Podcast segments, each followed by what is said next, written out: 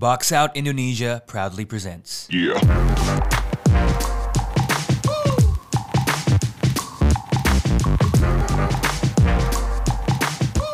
Ya, kita sampai di ibu kota yang tidak ada di Southeast sebenarnya, tapi divisi di Southeast gitu kan. Karena regarding apa namanya uh, pembagian divisi NBA Wisdom Logics ya, kita ke Washington Wizards.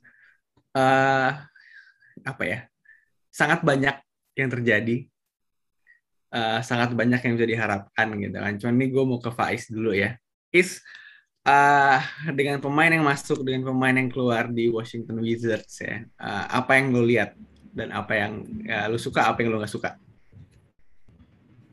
gue ngelihatnya sebenarnya ini tuh bisa diputer episode ATTL yang Wizard yang tahun lalu sih yang bilang kalau ini itu tim nggak jelas gitu antara mau playoff sama enggak gitu nggak jelas itu malu-malu. Ya udahlah mendingan di dibubarin aja habis itu mulai dari tanking lagi gitu. Karena dia apa ya build timnya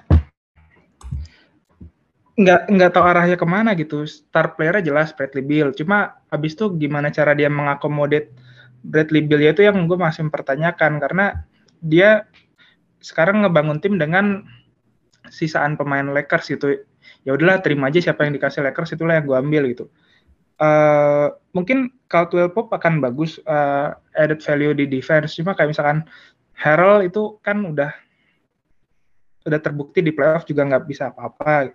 Kyle Kuzma juga uh, gue salah satu yang nggak yakin sama perkembangan Kuzma. Jadi gue ngeliat Wizard nih nggak ada arahnya sih. Dan Bertans pun juga tahun musim lalu kan juga underperform kan. Jadi mungkin udah waktu ya buat Bradley Bill cabut sih harusnya.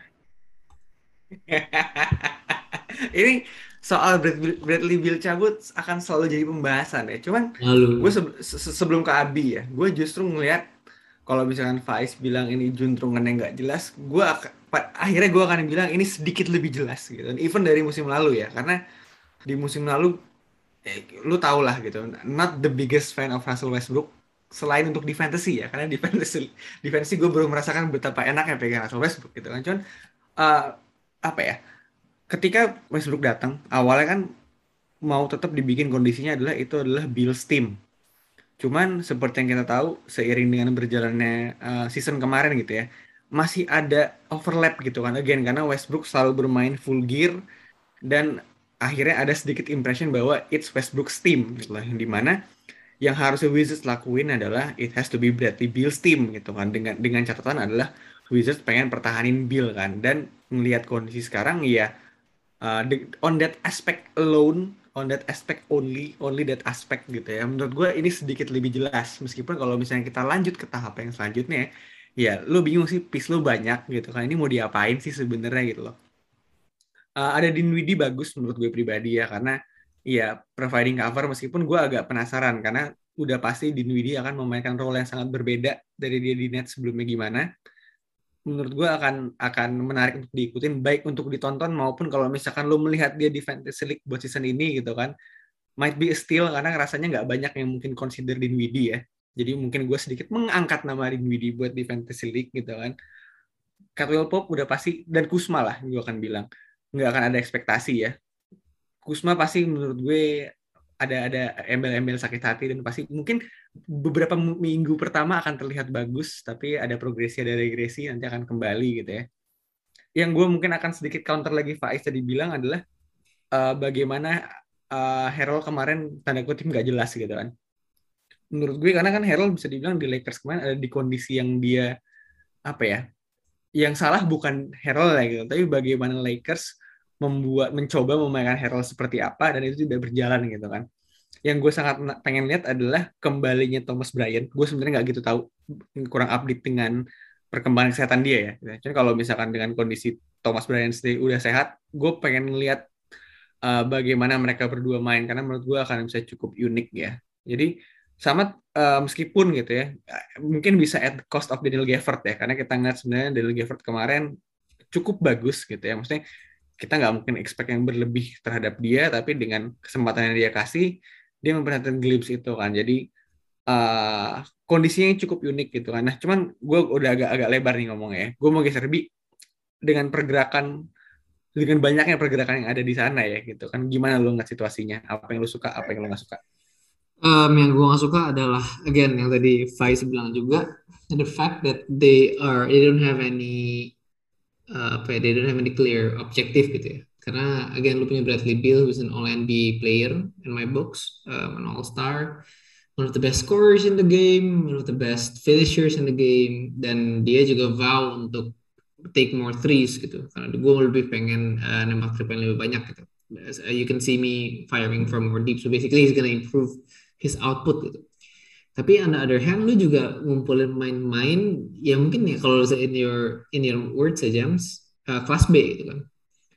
I mean, Dinwiddie is coming off an ACL injury. Dia on the bubble of kind of get being that class A player. Tapi ya karena with the ACL injury, I put him put him down a tier. And then they brought in uh, Montrez uh, and KCP, Kyle Kuzma, yang menurut gua ya solid player gitu. Tapi solid role players in which itu akan bagus ketika lu punya another superstar gitu kan.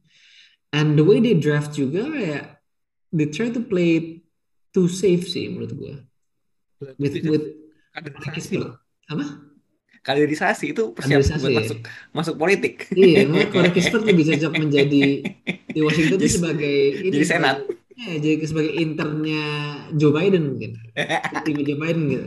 But basically apa ya Corey Kispert is good but it's too safe. Dan again dia nggak ngeliat upside itu gue nggak ngerti I mean, apakah mereka akan mengonsolidasikan beberapa kontrak to bring another superstar? Karena kan sebenarnya kan they went from having John Wall as 44 million dan bad Achilles itu menjadi Russell Westbrook yeah. with 44 million and his bad jump shot. Now they have uh, bro bro main yang kalau di jumlahin kontraknya 44 juta tersebut kan. Um, apakah mereka bisa meng-package Thomas Bryant kalau misalnya bisa dia bisa kembali dengan sehat? I don't know. Ini gue sekarang nyambung ke storyline nih. How would they manage the rotation in the center position how would they manage the rotation on the wing position karena lu punya Hachimura which played very well di Olympics kemarin. You have Kyle Kuzma you have Avia. Jadi kayak membingungkan gitu. And then on the guard position oke okay, lu lebih lebih settle lah. Lu punya Dinwiddie and KCP and Bradley Beal. Tapi ya yeah, it's just apa ya tumpang tindih dari segi fit dari segi umur jadi gue nggak bisa nggak bisa put a clear apa ya clear mind what do I what do what do I like. Jadi gue nggak bisa ada clear answer untuk tiga tiga tiga pertanyaan lo nanti. Apa yang gue suka apa yang gue suka apa yang gue expect dari mereka dan apa dan apa storyline yang akan kita expect gitu kan. Jadi nggak jelas gitu. Yang kata tadi Faiz bilang benar kayak we can just repeat the episode from last year. Ya untungnya mereka udah ganti pelatih. Tapi itu dia dengan lu punya Bradley Bill terus lu ganti pelatih pelatihnya yang muda lagi pelatih rookie yeah, yeah it it signals all the wrong things. Dan kayak oke okay, gue mau rebuild. Tapi pemain yang lu bawa juga bukan pemain yang kayak di Orlando Magic atau OKC so what do you want man? Gue gak tau deh. Pusing gue marah. Jadi jadi, jadi jadi belum ada jawaban ya? Gue gue gak jujur kalau lu tanya ke gue gue gak punya jawaban. Kayak yeah, we can mungkin... just go on and on and on. Tapi abis jawabannya? Akan kembali ke kata-kata Faiz di awal itu gak jelas Tapi ini ya apa namanya? Uh, sembari gue mencoba memperpanjang obrolan ini ya gitu. Maksudnya adalah uh, satu yang satu, satu yang bisa kita expect adalah kita akan melihat uh, Bradley Beal yang lebih eksplosif dari kemarin ya. Karena dengan dengan stipulasi ada Russell Westbrook aja, hmm. Bill masih bisa eksplosif kayak gitu. Ya kita bisa bayangkan nanti ya basically uh, apa namanya? Uh, dari quarter ketiga ke atas 70% at least bola harusnya di Bradley Beal. Ya, basically ah, kita akan banyak lihat highlightsnya gitu kan for all the good and bad reasons ya. Baik itu shot yang dia buat ataupun yang tidak buat gitu kan. Cuman basically kalau misalkan Anda bermain fantasy league, kalau misalkan Anda posisi di mana ada Bradley Beal, Anda ambil. Kalau tidak ada yeah, orang lain yang iya. ambil nanti. Karena itu selalu tiap tahun tuh di round tiga di di round tiga kalau ten tim ya kalau ten tim yeah. ada aja di round tiga yang oh, oh, always a steal man gue se gue sebagai orang yang sudah dua musim uh, kemarin ya selalu hmm. dapat Bradley Bill di atas round dua gitu ya. it's it's baffling bagaimana orang uh, tidak melihat Bradley Bill gitu karena it's only logic right gitu kan dia hmm. tim yang di mana opsinya cuma dia dan John Wall dan atau Russell Westbrook gitu ya ambil gitu kan. Apalagi di season ini yang dengan tidak kejelasan semua yang ada di Wizards gitu kan. All the more right reasons gitu kan. Tapi misalnya gue sedikit balikin ke apa ya ke uh, basketball aspek mungkin gue akan ngebuka dengan ekspektasi gue buat di Wizards nanti ya gitu kan karena kan Abi tidak bisa memberikan jawaban dia sudah bilang di depan gue nggak tahu apa yang gue suka gue nggak tahu apa yang gue nggak suka gue nggak tahu ekspektasi gue gimana dan gue nggak tahu storyline-nya apa ya gue pengen banget ngeliat Bradley Beal bisa carry tim ini gitu kan sampai at least mencoba contending buat playoffs eh, play in spot ya. Terlepas dari sampai atau tidak gitu kan karena kalau sampai kita sudah tahu ceritanya first round exit tapi paling tidak gitu ya gue pengen lihat dia memberikan tim-tim yang that borderline playoff dan playing spot uh, some difficulties lah gitu loh. Karena kayak gue tim gue nggak jelas gitu kan tapi uh, dari kapasitas pemain sendiri dari kapabilitas pemain yang dipunya gitu kan. Ya harusnya dia lingering on that playing spot gitu loh. Maksudnya gue akan kasih benefit of the doubt gitu terlepas dari pelatihnya gimana dengan kualitas pemain yang dipunya gitu kan. Dengan adanya Bradley Beal aja gue akan menggunakan bahasa yang gue pakai gitu ya. He provides the floor uh, sehingga gimana Wizards scoring wise mungkin masih bisa uh, neck and dengan lawannya gitu kan akan 50-50 akan ada di mana ketika uh, Bill lagi on gitu kan he shot went on gitu kan basically bisa menang tapi akan ada uh, malam-malam di mana eh, kita tahu Bradley Bill at times karena gue uh, beberapa tahun ini pegang dia di Fantasy League gitu kan ketika dia lagi nggak wangi it's quite frustrating juga gitu loh. Tapi gitu kan dengan lihat uh, kapasitas yang dia punya sekarang apa ya udah jelas apa namanya ini tahun pertama di mana clear dia adalah the main guy di Wizards gitu kan. Gue pengen lihat mungkin gini ya agak sedikit uh, storyline-nya agak mirip dengan uh, Steph season kemarin gitu ya. Meskipun nggak akan on Steph uh, level ya karena sangat jauh gitu. Kan. Tapi gue pengen lihat Bradley Bill bisa dilihat wah he can be the main guy in Washington gitu kan kayak uh, bisa dibilang membuktikan kenapa tidak dari kemarin-kemarin aja karena Bill punya kapasitas itu gitu dengan dia ngebawa pemain-pemain kelas B ini gitu kan at least contending for the uh, playing spot gitu. Gue pengen ngeliat itu gitu loh. Nah, Is kalau tadi Abi udah jelas bilang tidak tahu ya, gue bilang sekian kalinya. Ada yang pengen lu lihat nggak dari Wizards di season ini? Kalau ekspektasi, gue expect Wizard even masuk play juga enggak. Itu gue. Terus uh, gini kalau untuk storyline ini sebenarnya kalau misalkan GM itu ada sertifikasi, ada ujian sertifikasi GM nih, harusnya tuh challenge terbesar tuh gimana caranya naikin Wizard buat jadi contending di East tahun depan gitu. Bangkil itu itu akan jadi itu akan jadi itu akan jadi cerita yang menarik karena uh, kayak tadi gue bilang, maksudnya nggak jelasnya dalam artian ya mungkin ya oke okay lah dia dia nggak punya bargain power uh, untuk lepas Westbrook gitu. Coba pemain yang diterima kan kenapa gue bilang nggak jelas? Karena sebenarnya posisi-posisi yang dia itu udah ada pemain yang lebih muda yang lebih potensial gitu ke depannya. Kayak misalkan misal nih dari SF PF uh, center position gitu kan kita kita hitung. Bertans, Kusma, Harold, Bra Thomas Bryan, Hachimura, Afdia, terus dia ngedraft Kispert, masih ada Daniel Gafford. Itu udah sembilan buat uh, spot cuma empat gitu itu itu kan nggak ada arah banget gitu nah, makanya gue bilang ini kalau misalkan ada GM kemarin cabut terus ada GM baru nerima kayak gini lo akan berbuat apa gitu untuk ngerombak ini itu itu akan jadi sesuatu yang menarik sebenarnya cuma uh, kayaknya nggak bakal kejadian dan Bradley Bill akan cabut tahun depan sih menurut gue. Aduh, sebenarnya gue tuh pengen lewat pertanyaan. Gimana? Gue pengen begitu si Faisri ngomong kayak sertifikasi ya. Sertifikasi. kayak kalau misalnya NBA ada game yang mirip sama FM, itu lu kayak uh. ada yang itu kan yang kayak atau FIFA yang kayak um, ada, challenge ada. challenge challenge itu kan. Iya yeah, yeah.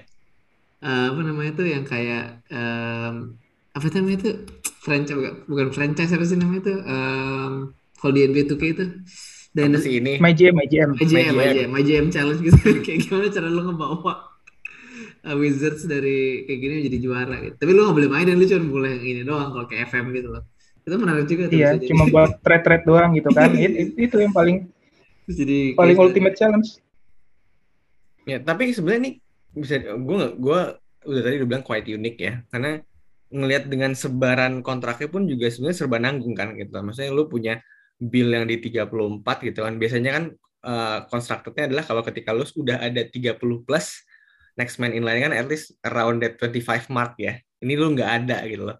Dan meskipun kalau misalnya kan pasti udah ada, oh ya pasti ada pemain yang uh, main di atas value-nya itulah gitu kan. Misalkan standar uh, konteks misalkan Lamelo Ball dia pasti udah bermain di atas harga kontrak semestinya kan. It's safe to say kalau misalkan di kontrak sana dia rookie kontrak berarti berapa dia? Just just below that 10 million mark lah harusnya dia karena top picks hmm. Kalau misalkan Lamelo yeah. dapat dua kali lipat dari harga dia pun masih oke okay lah. It's still within his value gitu. Nah, ngeliat nama uh, sambil gue bacain dikit ya, Bill tuh 34 jutaan gitu kan. Iya, yeah, it's it's around his price lah gitu kan. Next man in line itu ada Dinwiddie 17, uh, Bertans 16 juta, KCP 13, Kusma 13. Basically empat orang itu uh, di atas 10 juta semua, tapi again gitu loh pemain-pemain itu ya hanya bisa memberikan value sesuai dengan harga itu loh. Lu nggak mungkin expect tiba-tiba Dinwiddie bisa ngasih pemain dengan uh, apa ngasih nilai uh, pemain dengan value kontrak yang di atas itu gitu loh. Nah, sebenarnya permasalahan utamanya itu kan gitu loh. Jadi kayak bagaimana terlepas dari uh, how the team is gonna be constructed on the court gitu loh. Maksudnya dengan gue ngeliat dengan bagaimana struktur penggajian yang di sana aja ya kalau misalkan meminjam yang Faiz bilang tadi sebenarnya nggak ketahuan arahnya ke mana gitu kan yang sangat disayangkannya adalah karena sebenarnya pemain ini bukan pemain-pemain jelek bukan yang plain jelek kayak Magic tadi gitu maksudnya gue tadi bilang squadnya Magic tidak jelek tapi kalau hmm. misalnya kita compare gitu kan uh, neck and neck apple to apple dengan Wizards udah jelas kan Wizards di atas kertas lebih bagus gitu loh. Tapi kondisinya Wizards pun nanggung gitu loh. Nah jadi sebenarnya yang yang akan unik itu. Nah tadi tuh Faiz sebenarnya sempat sempat uh, gue pengen lempar pertanyaan yang Faiz sebenarnya udah jawab gitu kan uh, yang di mana jawabannya adalah tahun depan akan jadi tahun di mana Bradley Bill cabut gitu ya. Nah, ini karena sebenarnya tadi kita obrolnya udah melebar, mau gue lebarin sekalian gitu ya. Ini gue agak bawa sedikit off the context gitu kan. Will this be finally the year di mana uh, bukan dari sisi Wizards saya, Bradley Bill say uh, gonna say that I have enough of the shit gitu loh. Karena Bill dari tahun berapa 2013 kalau nggak salah ya di liga gitu. Maksudnya he's udah dia di Wizards sangat lama gitu kan. Dengan kondisi yang begitu-begitu aja gitu kan. Terlepas dari bagaimana dia perform di lapangan gue ngeliat Bill ada ada apa ya ada dead uh, di titik yang di mana gue pengen main untuk winning team. Dan toh juga gini terlepas dari berita dia yang dari kemarin-kemarin udah ada kan dia bisa dibilang bermainnya cukup pintar lah gitu kan. Dia tidak tidak memberikan jawaban yang clearly memberikan apa namanya uh, memberitahu posisi dia terkait dengan dia dan dia di Wizards itu seperti apa gitu kan. Nah, gue mau kabi dulu ya buat ini ya. Will this finally be the year that Bradley Beal said, I have enough to the Wizards? Um, I think not sih. Menurut gue, ketika lo ngomong kayak gitu adalah dia minta trade di, di next off season ya. Maksud lo itu? Ya atau malah dalam atau malah kasus yang super ekstrim, hmm. by the end of the trade deadline dia pengen cabut dari sana gue ngelihatnya adalah I, I think the Bradley Beal umurnya 28 ya dan maksud gue adalah I think he's gonna play out his contract sih. Um, Bradley Beal uniknya adalah one of the most durable players in the NBA. Hmm. Dia cukup apa ya jarang jarang cedera, alhamdulillah. Um, jadi maksud gue, I think he believes in his health dan menurut gue dia mungkin mau ngeliat nih dengan ada Dinwiddie because Dinwiddie is a special player menurut gue. I mean with all his shortcomings, eh, he's not a good three point shooter, but he's a six six point guard, and you know how much you love oversized point guards and uh, point guards kan. Um, jadi menurut gue itu he, that's a special thing. And then Davis Bertans, you gotta give him some slack karena tahun sorry dua tahun lalu he was shooting the lights of that ball gitu. The yeah. Latvian Leza. Leza. Latvian Leza Nah, maksudku tapi tahun lalu karena COVID dan dia datang telat dari Latvia ke US uh, with training camp dan shortened season juga and with the whole uh, apa ya health and protocol situation di tengah-tengah musim yang menimpa Wizards menurut gua they just didn't have momentum gitu. But now they're ini ya setidak ketik setidak tidak jelasnya mereka pemain-pemain yang ini yang ada di squad mereka tuh are ini apa namanya blue collar uh, hmm. blue collar workers gitu. Eh, kayak Kyle Kuzma. Iya, kerja, kerja, kerja. Kerja, kerja, kerja. Harold. Dan maksud gue, gini, gue menurut gue Scott Brooks yang yang apa ya? Kalau misalnya Bill suka sama Wes Ansel Jr. karena dia ngelatih dengan kawan-kawan, kan Scott Brooks is a shitty coach lah. Kita bertiga pasti yeah. setuju itu. I mean, lu punya Westbrook, lu punya Bill, and you can't get he can optimize uh, atau maximize the output dari dua itu kan gue rada aneh. But if Wes Ansel Junior ngelihat kemarin uh, gimana coach Jepang ngegunain Rui Hachimura di Tokyo, menurut gue that can unlock another dimension in ini in the Wizards uh, offense ya and in the Wizards uh, potential on the court juga. Jadi menurut gue I think it all depends on the first 10 to 20 games season sih. Kalau misalnya berarti Bill ngelihat kayak oh this team is special, kayak this team wants to work, this team wants to get better, and this team has potential. Maybe he he, he will exercise his player option di tahun 2023 dan atau mungkin bahkan in the middle of season he will send that extension kayak Giannis tahun lalu gitu. Mm -hmm. um, to become a max player juga gitu. Dan in that point dia bisa jadi a max player in 2020-2024 tanpa terlalu menyakiti uh, cap situationnya uh, Wizards. Wizards karena Wizards punya opsi buat nge-pick up optionnya dari Advia kalau dia workout atau bisa di decline. Um, Thomas Bryant, Harold semua udah off the books, KCP udah off the books by then. And then yeah, uh, then the biggest decision cuman uh, retaining which center you want retain itu Daniel Gaffer atau apa. Dan menurut gue I think this is just uh, apa ya setidak jelasnya itu at least I wouldn't see the Bradley Bill, Bradley Bill give up on this team. Menarik, menarik. Nih, uh, kalau Faiz udah jelas jawabannya ya.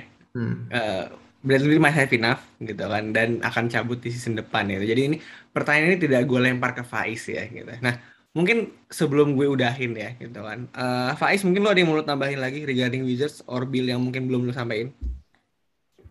cukup cukup udah terlalu banyak kita bahas Wizard. uh, lu ada ada lagi nggak bi? Udah udah cukup. Udah ya. Nah mungkin sebelum gue tutup ya, gue tadi uh, Abi udah sebut namanya harusnya tadi kita sebut lebih banyak ya Rui Hachimura ya. Maksudnya uh, banyak orang yang yang uh, memandang dia sebelah mata karena dia orang Jepang ya. Karena again seperti, se se seperti biasa kan. wait, why would people discredit him atau kayak apa ya under underestimate him karena dia orang Jepang please explain. Ya kan, buat kita tidak berlaku tapi buat orang Amerika itu berlaku man. It's real gitu. But he's he's half black yo. That should that should level offset the whole Japanese thing gitu. Lu, lu, lu, lu tahu ini nggak? Tahu di Netflix ada ini Yasuke.